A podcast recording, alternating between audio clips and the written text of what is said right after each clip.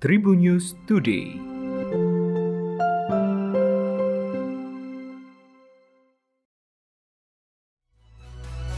Halo Tribuners, berjumpa kembali dalam Tribun News Today edisi hari ini bersama saya Gilang Putranto.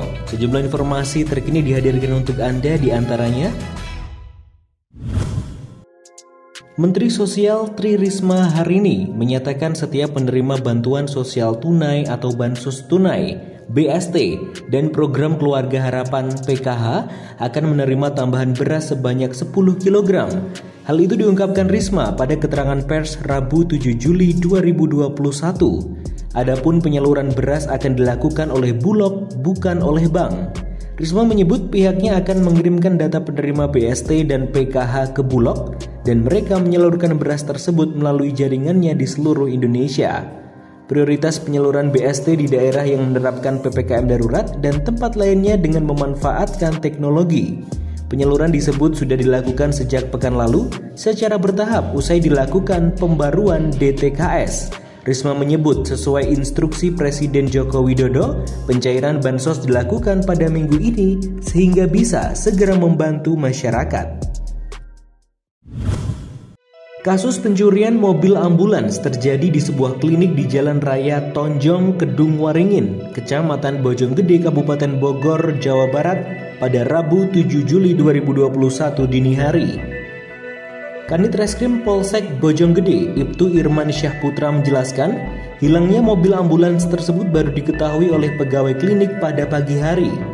Irman menuturkan hasil pemeriksaan diduga pelaku naik ke lantai dua dan berhasil menemukan kunci mobil ambulans. Untuk naik ke lantai dua, diduga pelaku menggunakan tangga yang digunakan pekerja bangunan karena klinik tersebut tengah dalam tahap renovasi. Irman mengatakan pihaknya telah menggelar olah tempat kejadian perkara dan memeriksa beberapa saksi di lokasi kejadian. Sementara itu, CCTV di lokasi kejadian dalam keadaan mati. Artis Nia Ramadhani ditetapkan menjadi tersangka bersama sang suami Ardi Bakri dan sopir mereka berinisial ZN atas penyalahgunaan narkoba jenis sabu-sabu. Kabid Humas Polda Metro Jaya, Kombes Pol Yusri Yunus menyebut, penangkapan dilakukan pada Rabu 7 Juli 2021 sekitar pukul 15.00 waktu Indonesia Barat. Penangkapan dilakukan di kediaman Nia Ramadhani di daerah Pondok Pinang, Kebayoran Lama, Jakarta Selatan.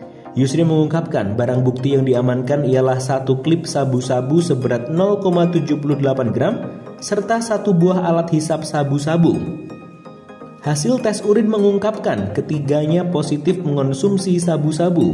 Dalam pengakuannya, Nia Ramadhani disebut sudah mengonsumsi sabu-sabu selama 4 hingga 5 bulan. Yusri menyebutkan kepolisian masih mendalami sudah berapa lama para tersangka mengonsumsi sabu-sabu dan dari mana mereka mendapatkan sabu-sabu tersebut. Presiden Joko Widodo secara resmi melepas kontingen Indonesia yang akan berlaga di ajang olahraga Olimpiade tahun 2021 yang akan dilaksanakan di Tokyo, Jepang. Acara pelepasan digelar di halaman Istana Merdeka Jakarta pada Kamis 8 Juli 2021. Dalam arahannya, Jokowi meminta para atlet yang berangkat untuk fokus meraih prestasi yang membanggakan bagi negara dan seluruh rakyat Indonesia.